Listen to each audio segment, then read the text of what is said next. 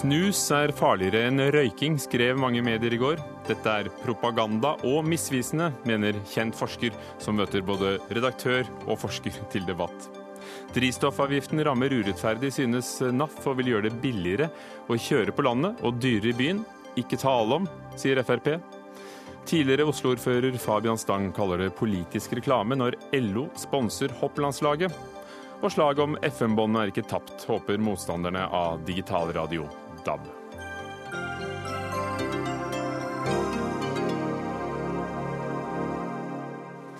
Velkommen til Dagsnytt 18 med Ugo Fermariello i studio i dag. Snus er like farlig som røyking. Slik lød overskriften som gikk landet rundt i går. Artikkelen ble publisert på forskningsnettstedet forskning.no og er plassert og finansiert av NTNU. Saken ble også plukket opp av flere nyhetskilder, også her i NRK. Den handler om en studie hvor forskerne målte blodårefunksjonene hos 1500 friske menn fra Nord-Trøndelag, og snuserne kom altså like dårlig ut som røykerne. Og Christian Gundersen, kjent professor i fysiologi ved Universitetet i Oslo. Hva er det med denne tittelen, 'Snus er like farlig som røyking', som får deg til å reagere? Nei, det er jo galt. Og, det er slett ikke noe i det paperet, eller veldig lite i hvert fall, som, som, som kan føre til en sånn konklusjon. Det, det er, dette er et helt ordinært, relativt ubetydelig arbeid som inngår i den store litteraturen. Og synet på snus har ikke endret seg. Og det er altså lite holdepunkter for at snus fører til hjerte-karsykdom, f.eks. Men så er det jo da nyansert litt lenger ned i alle disse artiklene, og faktaene i studiene, studien er beskrevet. Allerede i undertittelen står det at kan øke risikoen for hjerte-karsykdom minst like mye som røyking. Ja, er, er, er, ikke det helt vanlig at overskrifter setter ting på spissen, slik at vi skal lokkes nedover i teksten? Jo, men det er, det er, det er, det er å overselge det. og Hele, hele teksten i, i forskning.no er jo grov overselging. Det er også veldig liten sammenheng mellom det som er en rimelig tolkning av forskningsresultatene, og det som forskerne selv og universitetet selv her presenterer. Det er jo det som er spesielt. Det er jo ikke her en eller annen forsker som har hijacket av en løs, løssalgsavis. Det er, jo, det er jo forskerne og universitetet selv som betaler for produktplassering, og, og, som så overselger til de grader i et, i et tema som, som, mange er opptatt av. For der altså de fleste i medier plukket dette opp fra, var jo da nettstedet forskning.no. Nina Kristiansen, der er du eh, redaktør. Eh, hvordan kan det ha seg at dette nådde dine sider og er ifølge en av våre fremste forskere så misvisende? Ja, altså Det er jo oversalg hvis forskeren ikke står inne for det. ikke sant? Altså hvis forskeren Nå skal vi møte henne ganske snart. Ja, nemlig, så... så da kan vi høre hva hun har å si. Hvis uh, dette her er en artikkel som tar hennes forskning veldig mye lenger, så er det jo oversalg. Hvis ikke, så er det ikke det. Men jeg har jo lyst til å si om snusforskning da, at det, det er veldig mye forskjellige resultater som kommer ut. En dag så er, det, er helsefarene, helsefarene kjempestore, andre ganger så er de tona ned. Forskere kommer med forskjellige resultater. Og så går debatten blant forskere. Sånn er det. Det er litt mer enn det, altså, for her det, kan man oppsummere resultatet. og Man må si at, si at det er ingen, ingen, gode indikasjoner på at dette fører til hjerte-karsykdom. Det man kunne hevde, og som noen hevder, er at det er gjort for lite forskning. Det kan vi godt diskutere. Men at hovedbildet er slik jeg beskriver, tror jeg egentlig ikke det er, er uenighet om. Altså. Vi skal komme tilbake til essensen i saken Men Nina Kristiansen som redaktør. Eh, det står jo at denne saken er da betalt og publisert av Norges naturteknisk uh, universitet. Ja, nei, kan, NTNU. Ja, NTNU. Vi tar det kort. Teknisk naturvitenskapelig universitet. Uh, kunne du også sagt nei som redaktør? At nei, vi ja, syns ikke den er dekkende? Selvsagt. Jeg kan jo forklare veldig kort hvordan dette her fungerer. Forskning.no er en uavhengig nettavis, som NRK er. Vi jobber under redaktørplakaten. Vi eies av nesten alle forskningsinstitusjoner og sentre og miljøer i Norge. Så har vi en spalte på forsida vår Eh, hvor disse eierne våre kan sende inn artikler. Og da står det veldig veldig tydelig merka at det er publisert og det er produsert og finansiert av eierne våre. Og det er eh, rett og slett forskningsformidling de driver med. Eh, innholdsmarkedsføring. Du kan kalle det innholdsmarkedsføring, men det er jo ikke salg og kjøp av noe, da. ikke sant? Dette her er forskningsformidling, og det er veldig, og det er veldig god forskningsformidling, men det er ikke uavhengig journalistikk. Den driver vi med i resten av forskning.no. Og det vi gjør med den saken der, er at vi følger den opp journalistisk. Og selvsagt kan jeg si nei til alt innhold på forskning.no. Vi er helt uavhengige sånn sett. Du, du, har tatt inn en annonse, det er det du har gjort, eller en produktplassering. Men det er jo ingen som selger noe her, Gundersen. Dette er jo et uavhengig universitet som på en side de er medeier i, publiserer resultater av sin forskning eh, egnet for, for oss vanlige folk. Jo, men jeg synes altså, altså, Forskning handler om å finne, finne, en eller annen form for sannhet. Og, og, Her handler det altså om å selge sine egne forskningsresultater. og Det, det som er jeg synes, veldig veldig galt her, er at det er altså som sagt ikke journalister som, som, som, som smeller opp. Det er universitetet selv som altså overselger. og det er altså og det er forskerne selv som også er med på det. De har jo sett at de har deltatt i denne formidlingen. og Jeg syns det er uetisk å, presentere forsknings, eh, eller drive forskningsformidling der det er så lite samsvar mellom hva som er det vitenskapelige funnet og det man eh, sier i formidlingen. Det må være et visst samsvar her, ellers så syns jeg det er uetisk. Og Forskere har da en litt annen rolle, syns jeg, og universiteter, enn det løssalgsaviser her. Og her er altså universitetet og forskerne selv verre enn løssalgsavisene. La oss høre. Eliane Skaug, du er forsker ved NTNU og lege og står bak denne studien som denne artikkelen handler om, en del av den store befolkningsstudien fra Nord-Trøndelag. Er du blitt brukt? Er det uetisk det du er med på her? Nei, jeg føler jo ikke at det har blitt brukt. Det gjør jeg jo ikke. Samtidig så tenker jeg at for å få ut ting så Altså når man går ut med et eller annet som man har funnet, så blir det jo ofte eh, litt polarisert, eh, tenker jeg. Eh, Hvis du ikke er blitt brukt, har du da vært med på noe som, som gir oss et uh, altfor enkelt bilde av forskningen, og, og lurer oss til å tro noe som kanskje ikke helt stemmer? Nei, jeg tror vel heller kanskje at det er alltid litt mer komplisert enn det man klarer å formidle, og litt mer nyansert enn det man kan klare å formidle. Jeg har prøvd i alle intervju å komme med nyansene i det her. Eh, at det er en epidemiologisk studie, at jeg har sett på endotelfunksjon, som er en Eh, der man kan se endringer mange mange år i forkant. Jeg har altså ikke sett på klinisk hjerte-karsykdom eller klinisk forekomst av hjerneslag. Eh, og at det er mange faktorer som eh, kan spille inn i det her. Men men vi sitter jo likevel igjen med spørsmålet her, da, etter å ha hørt også kritikken fra, fra Christian Gundersen. Er snus like farlig som røyking når det gjelder risikoen for hjerte-karsykdommer? Ut ifra den litteraturen som jeg har lest meg opp på, eh, så tror jeg det. Eh, og Det er jo min oppfatning etter å ha lest eh, ganske grundig gjennom veldig mange av studiene. Og jeg gjorde jo ganske omfattende litteratursøk da vi starta denne studien. Og gikk gjennom de studiene som var publisert, spesielt i Sverige og en del i USA. Jeg er jo enig i vurderingen, men det behøver vi ikke å diskutere her. Det er, det er jo hele poenget, er det ikke det? Jo, Gundersen, jeg vil spørre deg. altså de er jo da kommet til en konklusjon, eh, Eliane Skaug og, og forskningsteamet der, som, som viser at de, har, de, mener at de har belegg for å si at uh, når det gjelder hjerte-karsykdommer og forekomsten av det, så er snus like farlig som røyking.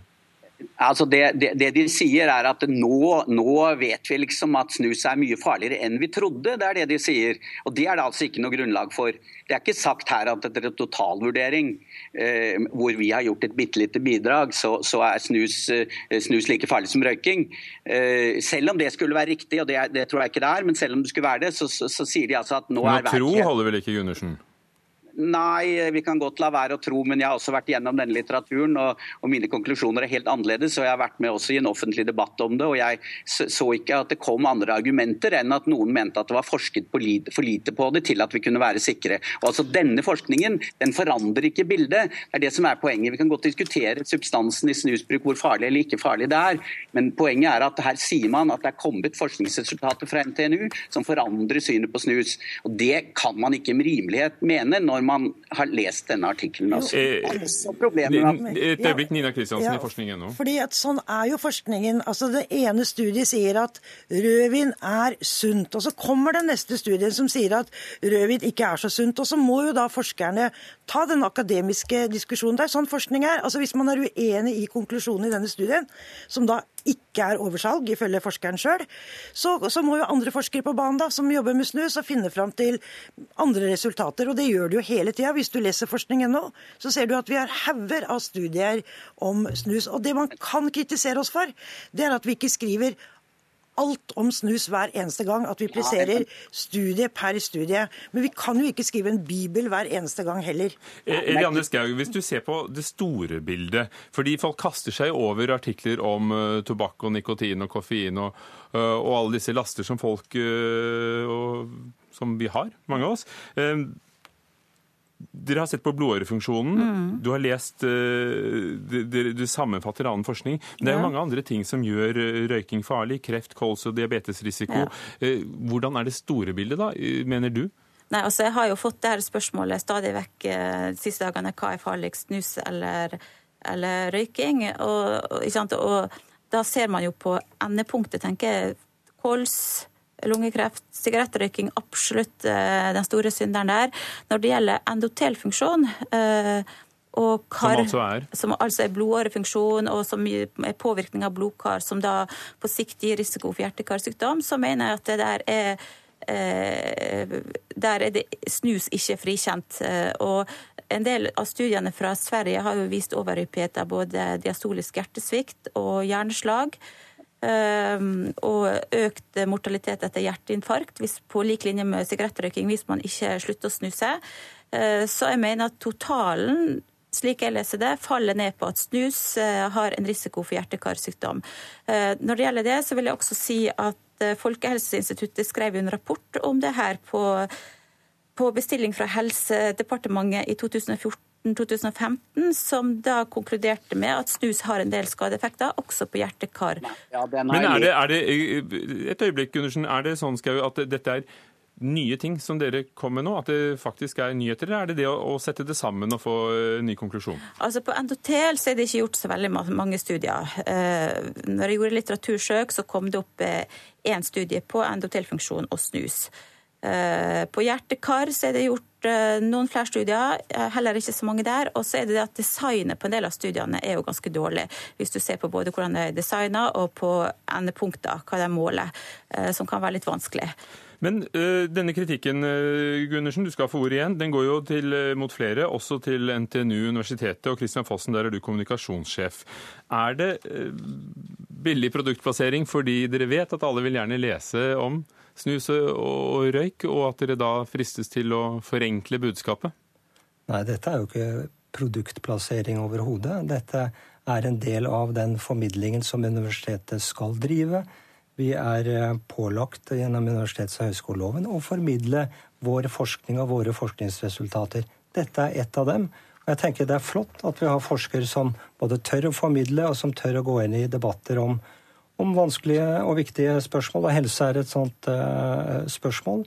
Og så er det, som Nina Kristiansen sier, forskningen det er jo én sten her og én sten der, og det er sånn vi sånn uh, ny kunnskap uh, bygges, og vår oppgave er å prøve å formidle alle disse små byggesteinene. og at dette er en produktplassering. Nei, jeg tenker, nei, dette er Det måtte være dere som universitet da, og institusjon? Ja, men Det er jo en grunnoppgave for universitetet å formidle. Kristian Gundersen, nå, nå får du ordet. Ja, det, er en, det er jo ikke en grunnoppgave for universitetene å kjøpe seg spalteplass. De skal delta i, i det offentlige rom og, og, og, og, formidle på den måten på mange ulike måter. Men her har man jo opplagt drevet propaganda for egen institusjon. Kristian Gundersen, dette, altså Kjøpe spalteplass, dette er jo da eh, en nettside som forskningsmiljøet selv eier og driver for å uh, formidle forskningen, vulgarisere den for oss uh, som ikke leser de store rapportene på hundrevis av sider. Jeg tror vel at Nina Kristiansen lar seg påvirke av om, om, om, om dette hadde kommet inn da, uavhengig av, av, om hun får betalt for det eller ikke, det er jo litt vanskelig å vite. da. Men altså min Hovedkjernen i min kritikk ligger i at jeg syns det er galt av alle, både journalister, og, men særlig forskere og universiteter, å overformidle i betydningen at det er lite samsvar mellom det som står i artikkelen og det man formidler. Og Det, det blir helt urimelig i dette tilfellet. her. Man kan mene ulike ting om snus, men, men Hvem er det du frykter? Hvilke konsekvenser frykter du? Jeg tror jo f.eks. at en overdreven svartmaling av snus kan gjøre at folk fortsetter å røyke. Det er, det er jo en veldig farlig konsekvens, istedenfor å gå over til snus. Det er jo mange forskere i dette feltet som mener at eh, det er, det er mye bedre i hvert fall å gå over til snus. Og, og så vidt jeg kan skjønne, så, så, er snus Det er veldig vanskelig å påvirke klare skadevirkninger av snus, men det er veldig lett og veldig mange eksempler på mange skadelige virkninger av røyking. og Da syns jeg det er uforsvarlig å likestille disse Og det går på en måte inn i en strategi om det tobakksfrie samfunnet og andre luftige visjoner, som jeg tror altså eh, er luftige visjoner. Det er iallfall ikke vår oppgave som universiteter og forskere å, å på en måte delta i, i, i helse, helseinformasjon fra myndighetene. Men la, la, oss høre, jeg må stoppe deg, for jeg har også et par spørsmål eh, på tampen her. Eliane Skau, som forskeren og, og legen i, i, sentrum av det hele mhm. her. Eh, har du et formål om å drive eh, helse helsepropaganda for et tobakksfritt samfunn? Nei. Eh, det har jeg ikke. Jeg syns det er viktig at vi får debatt, og at alt kommer på bordet. Pro, altså for og mot. Og at ulike måte, meninger får komme fram. Og at, og at, folk får ta informerte valg. Det er jeg litt opptatt av. Jeg er ikke opptatt av noe forbud. Eh, tvert imot. Jeg syns det er viktig at folk får velge sjøl hva slags livsstil de vil ha, og hva slags valg de tar her i livet. Men det bør være informert og gjennomtenkt. Og spesielt med tanke på alle unge som begynner eh, bør vi ha det i bakhodet at eh, det har en helserisiko vi vil jo ikke at ungdommene våre skal få negative helsekonsekvenser. Men, men dette er dine konklusjoner som uavhengig mm. lege og forsker. Kristian mm. Fossen ved NTNU, eh, hvorfor bruke så mye ressurser på å formidle alle disse etappene i forskning, og ikke vente til de større tingene? Det er vel ikke deres oppgave å rapportere om absolutt alt? Nei, men Vi rapporterer jo heller ikke om alt, men det er jo nettopp det å å komme med de bitene som skaper den eh, nye kunnskapen. Og så har man jo av og til noen store temasaker hvor man går gjennom de forskjellige eh, sidene, men det er absolutt vår oppgave å løfte frem, sånn at folk kan ta de informerte valgene, som eh, Elan sier her. Og når det gjelder, bare, bare for å si det, altså når Gundersen er så uh, mot dette, uh, så jeg ser jo Gundersen har jo selv også uh, formidlet sin forskning på forskning.no gjennom av, av, betalt forskning fra Forskningsrådet, så jeg ser ikke helt forskjellen på det han gjør og det, det vi gjør. Dette er viktig å få ut informasjon. Et, et, øyeblikk, et øyeblikk, Gundersen. Jeg har ikke betalt et rødt øre om institusjonen. har ikke betalt noe for at jeg, jeg publiserer på forskning.no. Men, men, da gir vi siste ordet til forskning.no. Ingen betaler noe for denne artikkelen, bare sånn at det er sagt. Vi er eid av institusjonene. Vi har én spalte der de får lov til å komme ut med veldig god forskningsformidling. Det er bra, for at da får vi denne debatten som vi har i dag, bl.a. Og den er slutt nå. Takk skal dere ha, alle sammen. Nina Kristiansen, redaktør i forskning.no. Christian Gundersen, professor ved Universitetet i Oslo. Eliane Skaug, forsker forsker og lege ved NTNU, og Christian Fossen, kommunikasjonssjef ved det samme universitetet i Trondheim. Dagsnytt 18 alle hverdager kl 18.00 på NRK P2 og NRK2.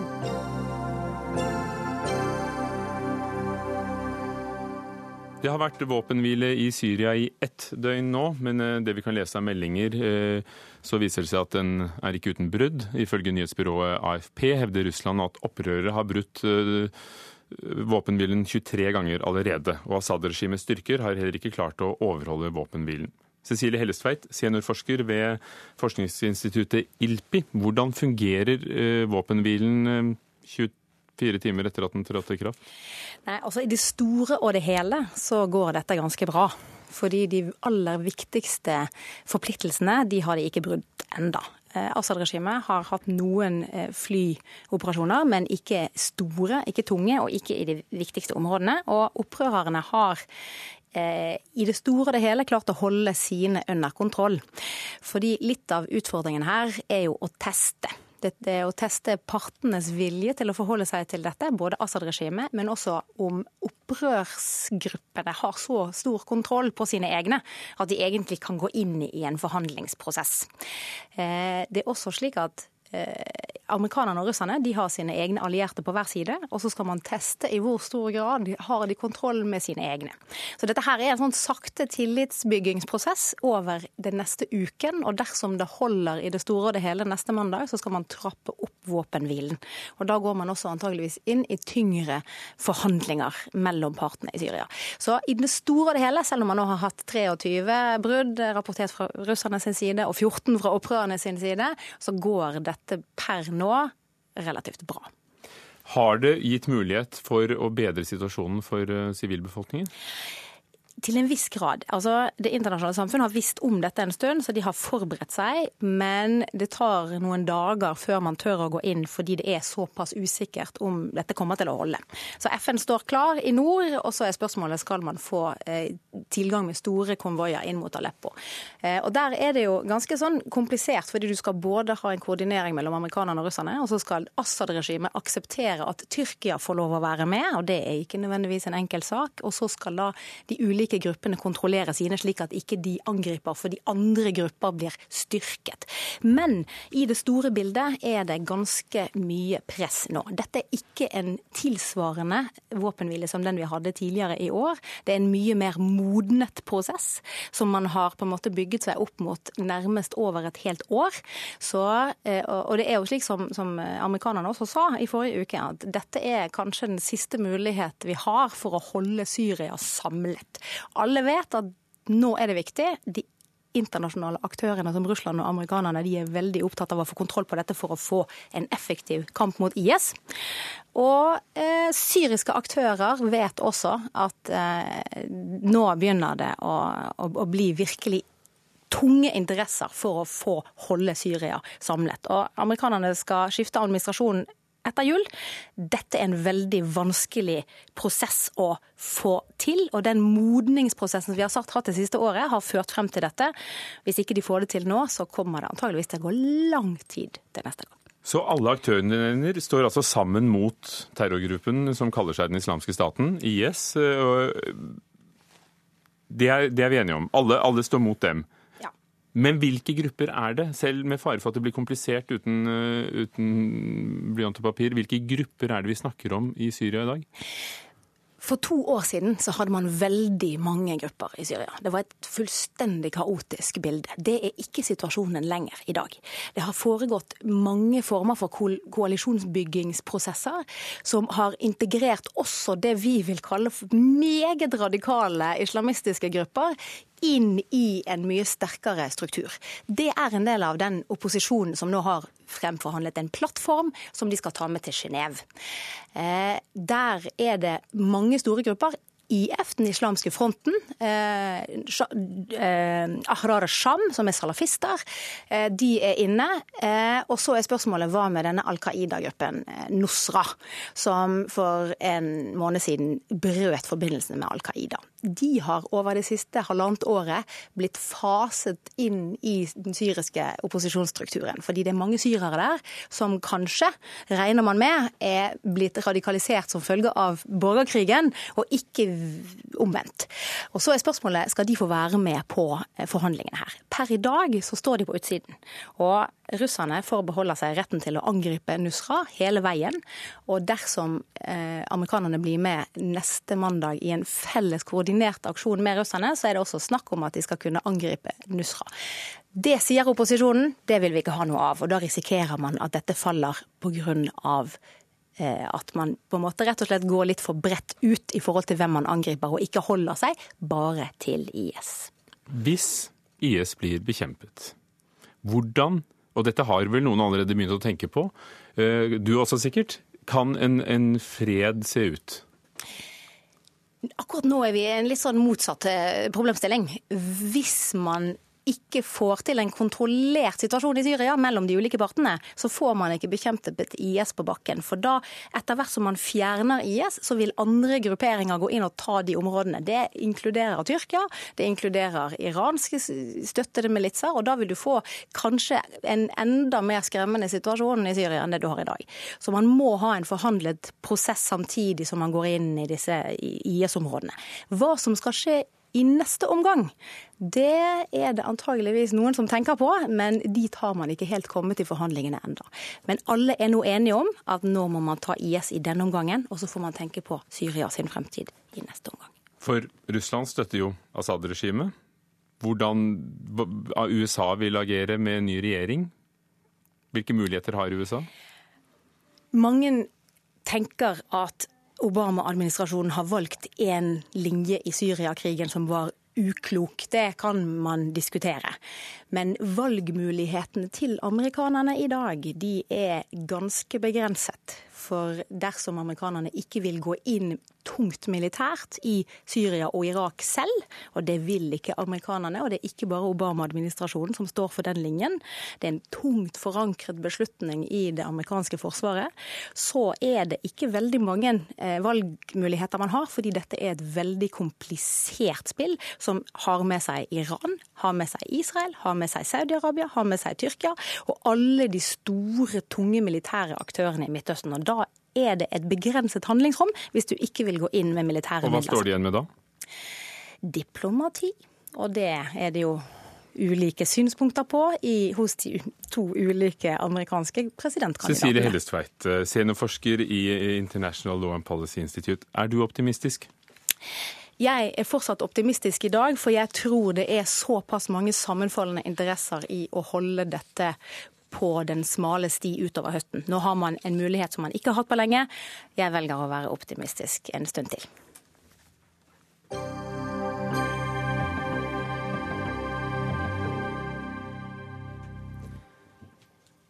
Bilistenes forening, NAF, ønsker at regjeringen innfører et prissystem der bilister skal betale mer eller mindre ettersom hvor vi kjører. Derimot øh, må myndighetene da spore opp øh, hvor og når vi gjør det, med en slags brikke à la bombrikken. Men det er helt uaktuelt med ny avgift som gjør det verre for bilistene, sier Fremskrittspartiet. Inger Elisabeth øh, Sagedal, kommunikasjonssjef i Norges Automobilforening, NAF. Nå vil dere at regjeringen skal innføre et nytt system, veiprising, som vi hørte om i nyhetene i dagene forut for, for denne debatten. Hvordan skal dette funke? Ja, Dagens eh, avgiftssystem innenfor transport det fungerer ikke. Vi har fått til mye når det gjelder engangsavgiften, slik at vi får mulighet til å kjøpe en billigere bil. Altså Den... Vi betaler og vi kjører, så på en eller annen måte fungerer det jo. Det fungerer dårlig, for det treffer feil. Altså Vi eh, har mange bruksavgifter i dag. Vi har bompengeinnkrevingen, som skal betale veiene våre. Så har vi bypakkene, som skal betale for kollektiv, sykkelveier, eh, veier i byene.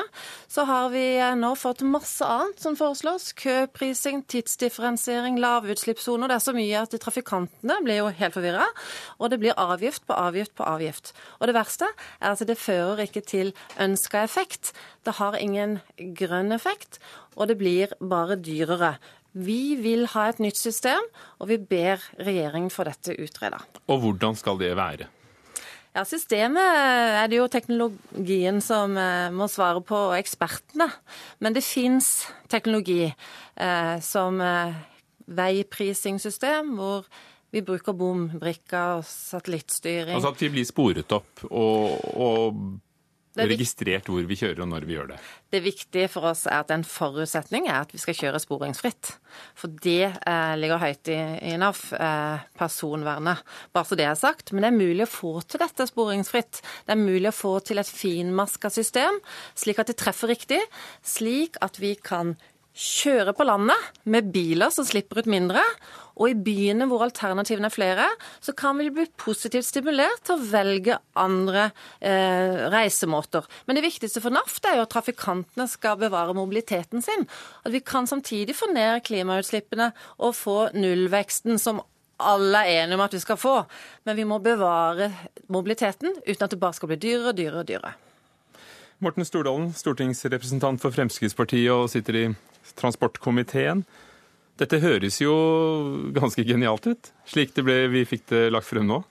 Nei, altså Slik jeg hører, så det, tar altså da Norges Automobilforbund til orde for å gjøre det dyrere og vanskeligere for folk å kjøre i byene. Og det høres nesten ut som om at bilen er den verste fienden. Jeg skulle ønske at NAF da faktisk prata bilistene. Det Jeg tror ikke folk kjører for moro skyld. Heller ikke i byene.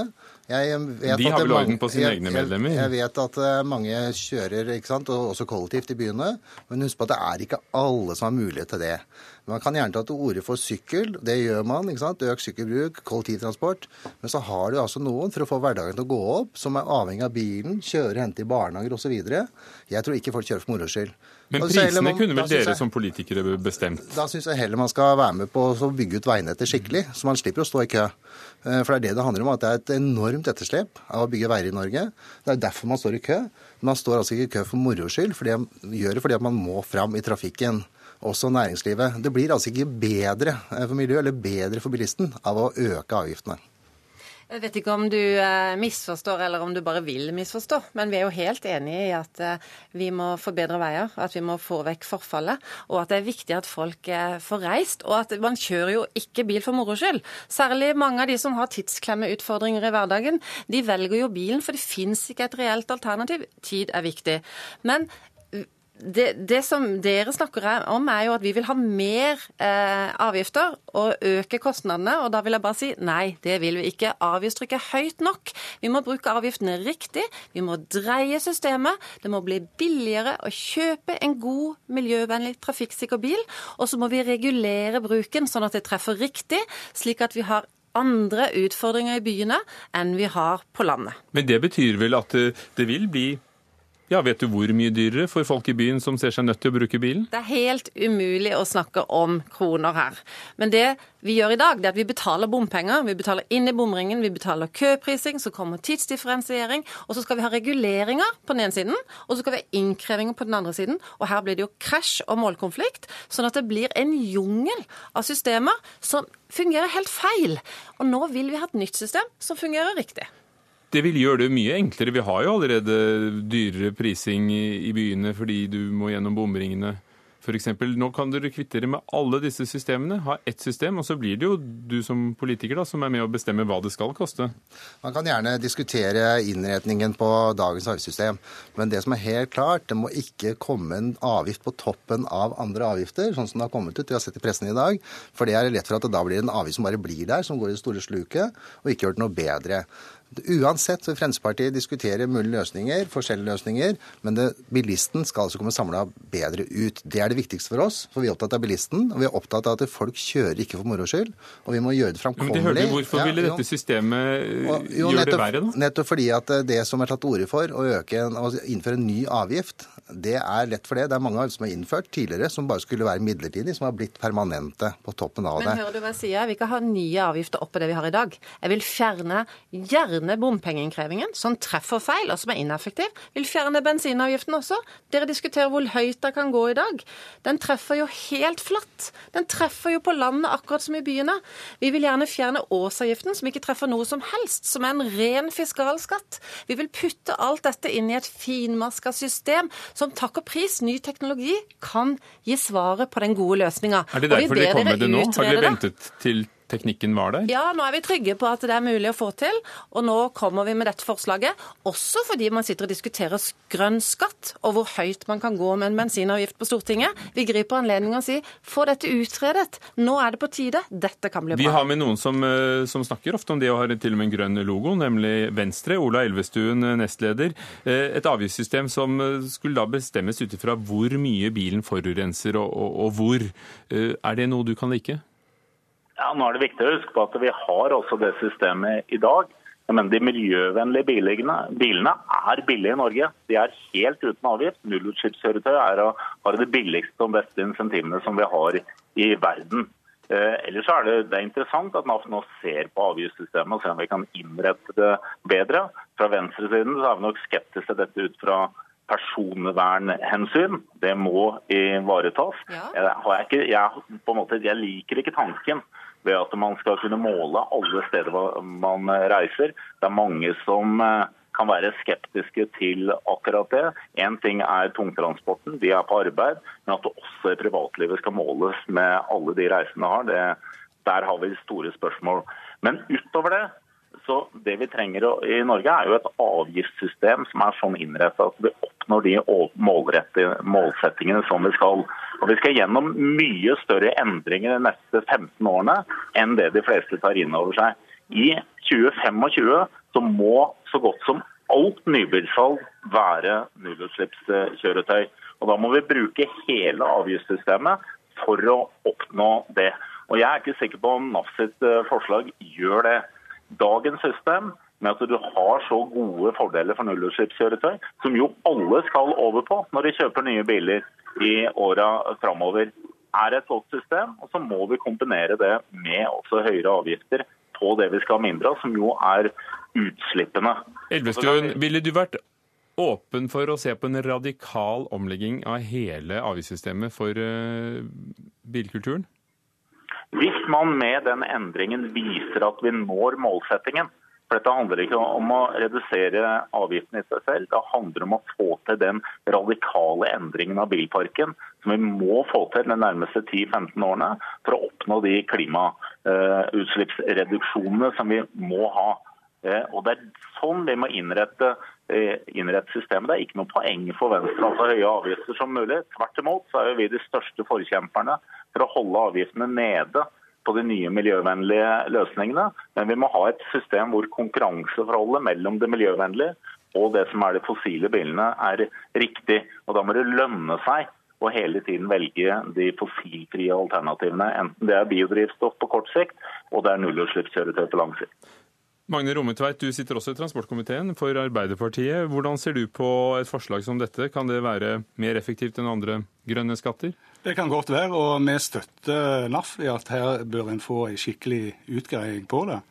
Og, og jeg syns jo at de som kaller seg for bilistene sitt parti, også burde vært noe mer åpne på å lytte til det som i alle fall er bilistene sin organisasjon, nemlig NAF. Og det som er den store utfordringa her, det er, som Elvestuen var inne på, å få ned klimautslippene. Og få bukt med lokal forurensning i byene. Samferdsel står for 30 eh, av eh, klimautslippene, og i byene står vi for 50% Og i Bergen, som jeg var i for et par dager siden, der er det 61% som kommer ifra, eh, ifra transportsektoren. Og, og, Da er det klart at hvis en kan gjøre noen grep her, som virkelig er et grønt skifte, ikke nødvendigvis at en øker avgiftene, men at en skifter, endrer på måten å gjøre det på, så tror jeg det er bra.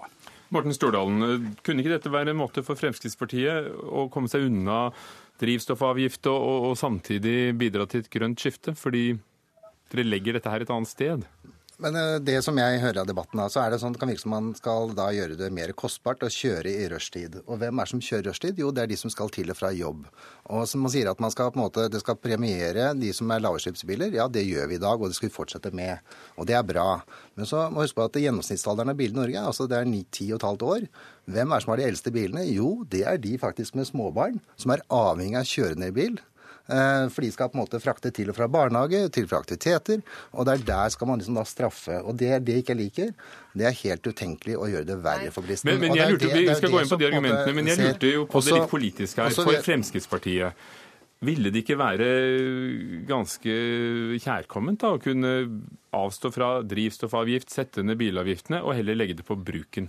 Rent politisk? Ja, for si dine velgere? En ting er sant, forurenser skal selv betale, og så gjør vi det billigere ikke sant, for å skaffe seg en ny bil. Det har vi gjort noe med, og det gjør vi sikkert for flere med. med. ikke sant? Men så når du snakker om da lokal forurensning, så er det snakker om storbyene. Ja, så vet vi det. Men så vet vi også i denne byen, i Oslo, som man da vaska gatene tidligere, for det var svevestøv, det var det som var farlig og ubehagelig, det skulle vi ta på alvor. Det kunne man altså gjort mer. Og så vidt jeg vet, så har man parkert de vaskebilene her i byen.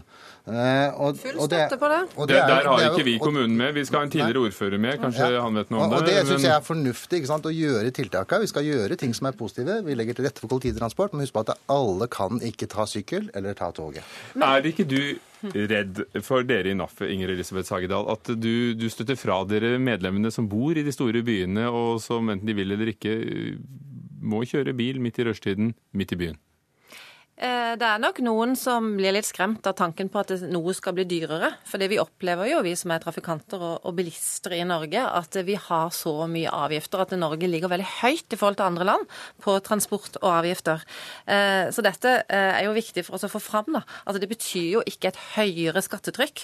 Det betyr jo at barnefamilien som har dårligst råd, skal få råd til å kjøpe en bedre, sikrere og mer miljøvennlig bil. Og de som kjører i byene, skal få enda bedre alternativer til bilen. Men det betyr jo nødvendigvis at for dem som bor i byen og bruker bilen, så vil det bli dyrere. For ja, de blir det mer få. De vil jo få litt avslag på det å kjøpe en god bil, da. Så dette går jo nesten opp i opp. Og hvis vi da slipper den årsavgiften og bensinavgiften og får mer treffsikker kjøring, de kan faktisk velge om de vil kjøre i rushtiden eller, eller på andre tidspunkt, og bruke innfartsparkering og eh, kollektivtransport og sykkelveier som skal bygges ut storstilt. Det er klart at eh, mange skjønner jo at vi kan ikke fortsette å sitte én og én i bilen inn til byen og sitte i kø. Det er jo ingen som er glad i kø. Så vi erkjenner jo de fleste av oss at vi har noen utfordringer her. For det er men, en NAF du kommer fra, ikke Syklistenes Landsforbund? er det? Ja, Nå er jo vi en organisasjon for norske trafikanter, men vi er sabla gode på bil. Og vi har veldig respekt for at eh, folk trenger en bil. Det bør de få lov til å kjøpe seg. Og du kan godt ha en bil uten at du bruker den hver eneste dag når du bor inne i byen, men du har en god bil å dra på hytta med eller på langtur med. Våre medlemmer har bil, men vi er en organisasjon for norske trafikanter, slik at de skal få en hverdag som er effektiv. Elvestuen, hvem ville, hvem ville bli straffet og hvem ville bli premiert i et sånt system som du kunne tenkt deg å se på? Nei, Det er det som er problemet med dette systemet. For Vi må fortsatt ha en differensiering mellom de eh, miljøvennlige bilene, det som er nullutslippskjøretøyene, og fossilbilene. Og så er er det sånn at det viktigste valget gjør i forhold til utslipp, er når du kjøper en ny bil. Derfor er engangsavgiften er effektiv sånn som den er i dag. Ja, er og de er skeptiske til å gå bort eh, fra, fra, den. Og så er det klart at Her må man også finne løsninger for hvordan man skal kunne ha inntekter til kollektivtrafikken i de store byene. For Det er jo derfor da bompengesystemene er jo for å finansiere nettopp de alternativene som man snakker om. Og Det blir jo en sak for dere politikere, Ola Elvestuen. Vi må gå, gå videre, så jeg vil ha med Magne Rommetveit eh, for Arbeiderpartiet. Vil du gå videre med den saken? Det høres ut som et langt lerret å, å, å, bleke. Hvor vil du som politiker da eventuelt Hvordan vil du ta den videre?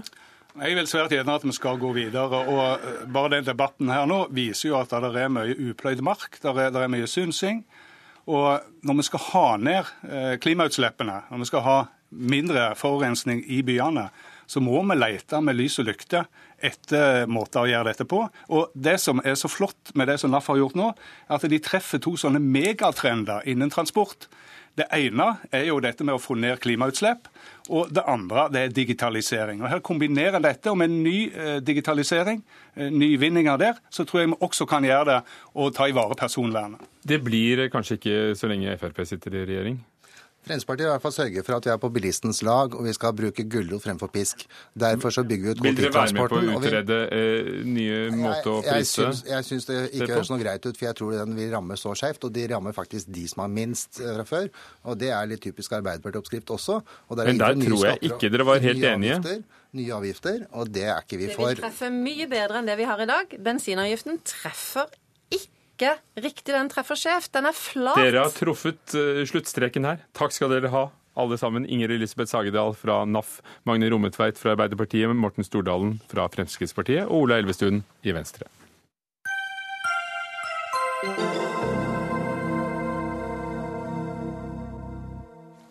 Hopplandslaget har fått uh, en redning. For i går ble det klart at LO, Landsorganisasjonen, skal sponse det norske hopplandslaget i tre år fremover.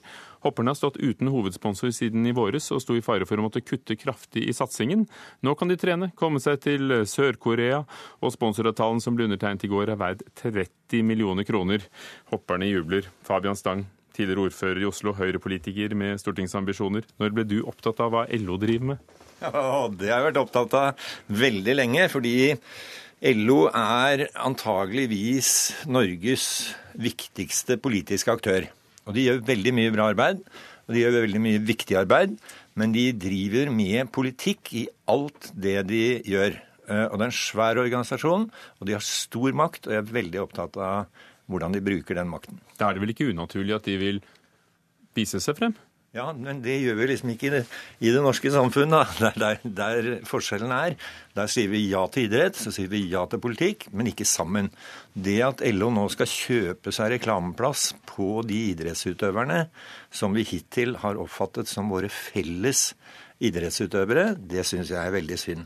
Det er kanskje ikke alle som er veldig opptatt av det, men jeg mener at det er et viktig prinsipp i dette.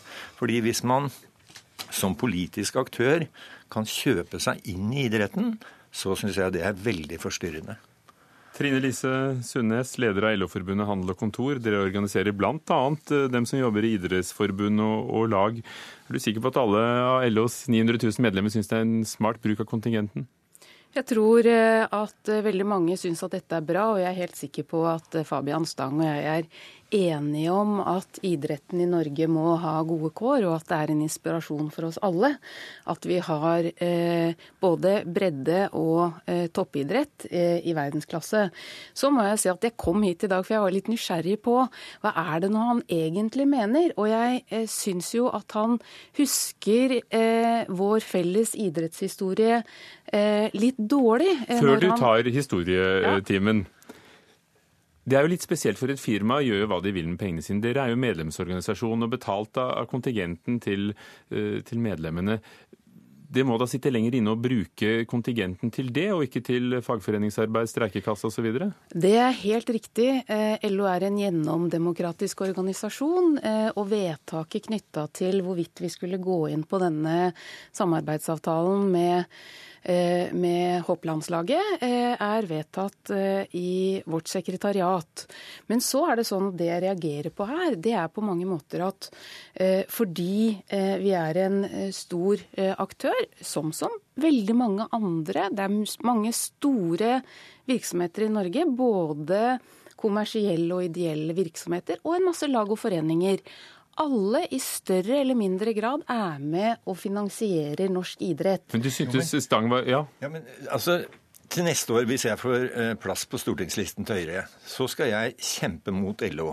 LO skal bruke 40 millioner kroner på å gjøre så godt de kan for at jeg ikke kommer inn på Stortinget. Det gir de til Arbeiderpartiet, SV og Rødt. 40 millioner kroner. Så skal jeg kjempe mot dere, og så skal jeg samtidig, når jeg skal se liksom på søndagen, glede meg over hoppgutta mine, så ser jeg liksom motstanderen mins logo på deres klær. Det syns jeg blir veldig pussig i en politisk prosess. Eh, når eh, vi hittil har liksom hatt Vi har hatt kongehuset, vi har hatt idretten, som vi har hatt felles, hvor vi ikke har blandet inn politikk. Og eh, hvis du ikke skjønner hva jeg snakker om, så vil jeg gjerne si Tenk deg at du står på stadion i Åmgollen.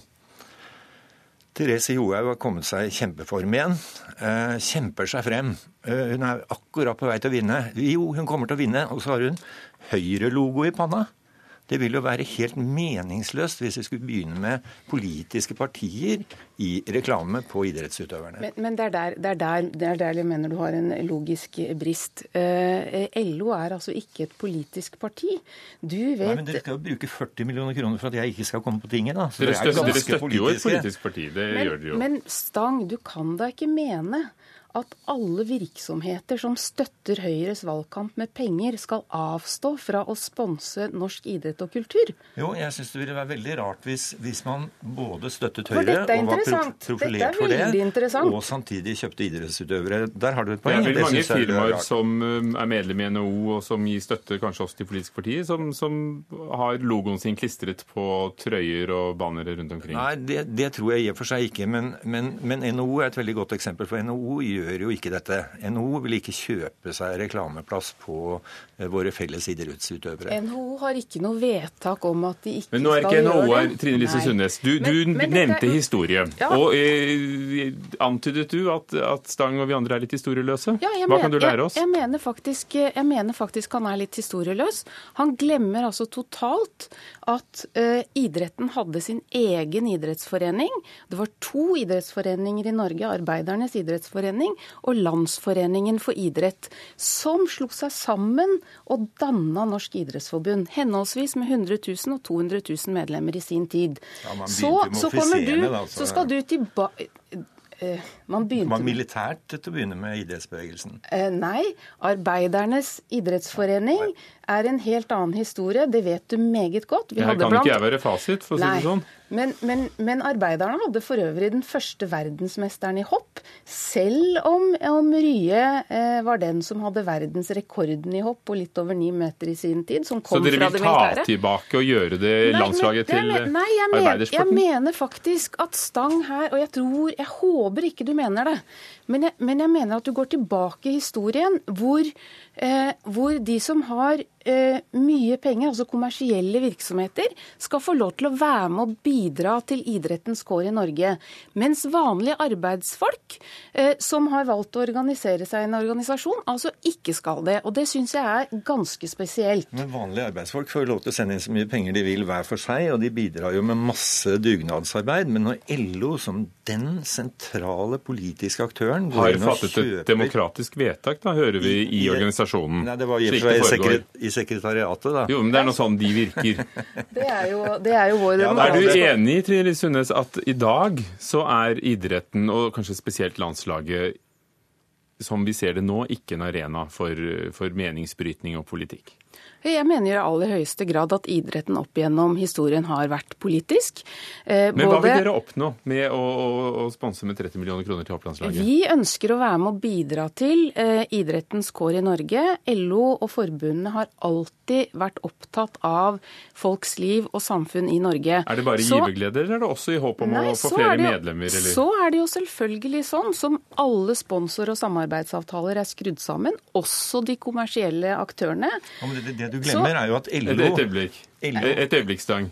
Et øyeblikk. Det er jo, altså for å si det sånn, eh, Norge består av en rekke lag og foreninger. Og det er jo ikke sånn at fordi om Obos støtter Det Norske Teater, og Obos-medlemmene får 20% i rabatt på billetten, at villafolket ikke går i teater. Fabian Stang, skulle kanskje du tatt opp dette i partiet ditt i Høyre, om, om dere skulle vært med dere òg? Nei, altså, Det er veldig ålreit med politikk, og det er veldig mange politiske aktører. Sportssjefen i Hoppforbundet sitter i, i kommunestyret for Arbeiderpartiet, og det er helt uproblematisk. Men LO er veldig spesielt, fordi LOs penger er ubeskattede penger, fordi man får fradrag for fagforeningskontingenten.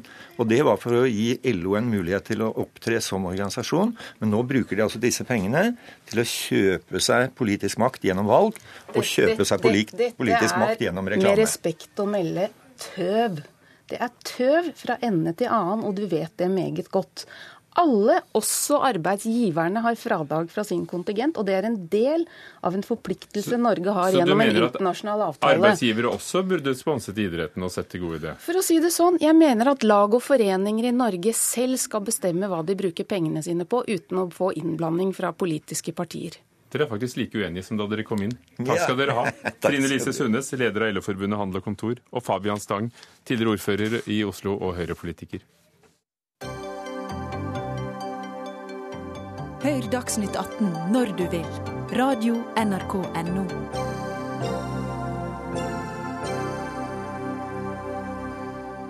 Hvis du sitter i bil med DAB-radio, så kan det jo hende at du ikke hører det jeg sier nå, at det står 'ingen tjeneste tilgjengelig'. Eller så kan du høre på en FM med litt sus selv om du sitter langt på, til fjells.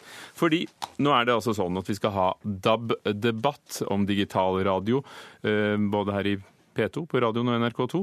For mens EØS-landenes kontrollorgan ESA vurderer om Norges overgang fra FM til DAB går riktig for seg, telles det ned til slukkingen av det gamle FM-nettet. Det er mindre enn fire måneder til. Nordland som første fylke ut vil oppleve at riksdekkende radio forsvinner over og blir bare tilgjengelig digitalt på DAB. Så går det mange rykter om at lyttere sliter med å få hørt noe som helst, og langs veien må man skifte 20 ganger mellom Tvedestrand og Oslo, og mange spør seg går det bra. En av dem som eh, svarer nei på spørsmålet, er eh, kulturpolitisk talsmann i Fremskrittspartiet, Thomsen. Hvorfor er du så skeptisk? Jeg er positiv til DAB. Jeg er skeptisk til at vi skal stenge FM-nettet så raskt eh, som er planlagt. Eh, og det tror jeg fordi at Norges befolkning ikke helt er klare for dette ennå. Eh, og vi får jo signaler, som du også sa, at jeg får ikke inn lenger DAB på hytta mi, eller jeg får fortsatt ikke signaler på hytta mi, og dette bekymrer meg. Og så har man jo det i tillegg et miljøperspektiv som kommer fra en Fremskrittspartimann, også i denne saken. Det er at det skal kastes 20 millioner FM-radioer. Eh, og klart, eh, Det blir jo et stort berg eh, når man ser dette for seg. Så, så vi hadde sett for oss som at vi kunne utsette slukkingen litt til for å være sikker på at dette går ordentlig på skinner. Men vi får Fordi Norge er aller først ute? Først i verden, vet du. Og det er, det er tøft, i hvert fall fra mitt ståsted, å se at ingen andre har prøvd dette før oss. Så vi burde jo kanskje vært litt ydmyke, men ja, vi får se. Kent Andresen, sjef for P4-gruppen, som ved siden av kjente P4 består av P5 Hits, P6 Rocks, P7 Klem og P8 Pop. Det er veldig mange aspekter vi kunne ta tak i. ESA har flere forskjellige klager inne, men slukkingen av FM, overgang til DAB Ib Thomsen er ikke alene. Hva er det du er mest opptatt av som, som gjør det viktig å være i bresjen for å, å slukke FM-nettet? Det aller viktigste er jo den eh, remsa av kanaler som du nettopp leste opp. Eh, det er altså sånn at Norge på FM, fordi vi er et land med mye fjell og fjorder, ikke har plass til mer enn fem riksdekkende radiokanaler. Det er ganske lite på FM-nettet. På DAB-nettet har vi plass til 25 riksdekkende radiokanaler. Blant annet de du leste opp der. Men nå sier også altså Thomsen han er ikke motstander av DAB. Må vi, virkelig, må vi, virkelig, slukke? Vi holdt på med langbølgen til langt ut på 90-tallet, enda FM kom på 50-tallet. Litt av utfordringen er at det i Norge er veldig kostbart å drive, drive distribusjon.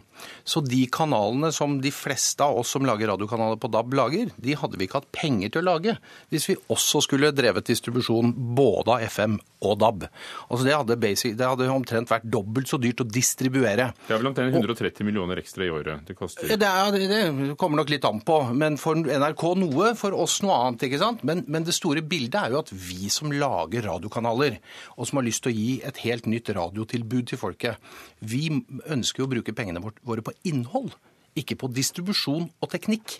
Så det er, når, når Ib sier kan vi ikke beholde begge deler, så er det klart at da hadde det ikke vært penger omtrent til å lage de flotte kanalene som du nå får på DAB. Andre land jeg tar ordet for deg et øyeblikk. Andre land som Danmark og Storbritannia er veldig langt fremme i å utvikle DAB-tilbudet, men har ingen planer eh, som er satt i livet om å slukke ned det gamle. Så koster det, da. La oss ta Danmark. Eh, det koster en brøkdel å drive dobbeltdistribusjon i Danmark. Det, det, er ganske lett å forestille seg. Og Det samme i Storbritannia, fordi det er veldig mange flere mennesker som skal finansiere det. Så, så forskjellen her er veldig enkel. Norge er et veldig dyrt land å distribuere i. Derfor så må vi velge én eh, distribusjonsform, og vi har valgt DAB fordi de gir flere kanaler. Og dette kanaler. har jo vært etter en grundig politisk prosess med utredninger og behandling i Stortinget. I, i Thomsen, hvor gikk det feil da, ifølge deg? Nei, Hvor grundig det har vært, jeg er litt usikker på. Men det er et stort flertall på Stortinget for å stenge FM-nettet. Fremskrittspartiet var jo det eneste partiet som var skeptisk den gangen som vi vedtok dette for seks-syv år siden. Så, men eh, selv kringkastingssjefen sier at dette blir en krevende omlegging. Dette kommer til å kreve mye av bilistene og av radiostasjonene, av de som produserer bilene. Så han drar med seg flere og flere nå. Og så sier disse eh, direktørene og kringkastingssjefene seg imellom at vi må få et mangfold i media. Men det som skjer, det er at han får flere kanaler, NRK får flere kanaler, og så stenger vi nærradioene i storbyene. Og om det blir noe mer mangfold av det, det er jeg litt usikker på. Men nærradioene i distriktene kommer til å fortsette på egne sender, på egne FM-sendere. De får lov. Men det konkurrerer ikke med disse Hvorfor kan ikke folk som har lyst til å starte og drive radiostasjoner i byene, få lov til å fortsette på FM? Er, er, er du i P4 og NRK redde for at folk heller ville bare hørt på dem? Nei, men la, la meg nå si, og, og, og det vet Ibo, det dreier seg om eh, et par radiostasjoner. Men det kunne hende eh, flere ville hatt lyst? Jo, men, det ligger en klage hos ESA om at de store å... blir prioritert. Men det er altså sånn at du kan få sende på DAB. Da, hvis du vil starte radio, så har det aldri vært enklere å begynne lokalradio. For når vi er på DAB, så trenger du ikke engang å søke konsesjon. Så altså, Kenneth det Andresen, å starte radio Hvorfor er da dere i digitalradioen, P4 og NRK, bekymret for at folk skulle fått lov til å sende videre på FM. Hvis det, var, hvis det var så få å snakke om, hvorfor kunne de ikke fått lov til det? Men så godt som alle får lov til å sende videre på FM. Ikke storbyene. Ja, men, det, vi snakker om et par radiostasjoner. Men ellers Hvorfor skulle ikke de fått lov, disse par radiostasjonene? Av de flere hundre radio, lokalradiostasjonene i Norge, de kommer til å sende videre på FM. Det er helt uproblematisk. Ib Thomsen, eh, noen planlegger å sette opp store sendere bare rett utenfor Oslo, og sende inn til Oslo de, og de andre store byene. Så det er, det er, mange som ser ut til å omgå disse reglene. Jo, Man blir jo sikkert nå like kreativ som man var når vi satt og lytta til Radio Luxembourg og de ulovlige stasjonene som sendte ut fra, fra England. Så Det ryktes at til og med Sveriges Radio vil nå Oslo når vi slukker de sterke FM-signalene. Så spennende, da. Klart at eh, Når NAF også, som var her tidligere, er skeptisk til denne slukkingen og ser at det kan bli problematisk for to millioner biler, så, så vet jo de også Men, hva de snakker om. Men Thomsen, du, du har vært bekymret for at mye av regningen veltes over på forbrukerne, som må få nye apparater. Var du like bekymret da, da, folk skaffet seg TV med skarpe bilder og avlangt format, eller puttet PC-ene? Nei, jeg var ikke det. Og, og det, jeg ser noe forskjell på det. Eh, nå er det litt vanskelig å dra med seg store ting inn i en, i en bil, så jeg ser dette med å flytte seg rundt omkring i landet eh, enn å ha fastmontert TV, er litt forskjell. Men det, det har, blir store kostnader når man skal bytte ut 20 millioner eh, radioer i dette landet. Så, og det, det, tar jo verken P4 eller NRK den kostnaden, så dette er forbrukeren som må betale. Og så må vi vise tålmodighet, og så må vi men jeg, få, men jeg, må få, lov til å vende tilbake til mangfoldet. Hvis noen skal Nei, påstå skal, at DAB ikke, som tar? Nei, men altså at DAB ikke utgjør et mye, mye større radiotilbud til nesten hele Norge, det går det ikke an å komme unna. Men argumentet for å slukke FM-nettet er at det ville vært for dyrt for dere å gjøre begge dere samtidig? Argumentet er da hadde vi hatt fem riksdekkende radiokanaler, nå får vi 25. Takk skal dere ha. Kenneth Andresen, sjef for P4-gruppen, og Ib Thomsen fra Fremskrittspartiet. Lisbeth Sellereite var teknisk ansvarlig. Ida Tune Ørisland var ansvarlige ansvarlig for innholdet i denne sendingen, som var ledet av Ugo Fermarello. Takk for at du hørte på Dagsnytt 18.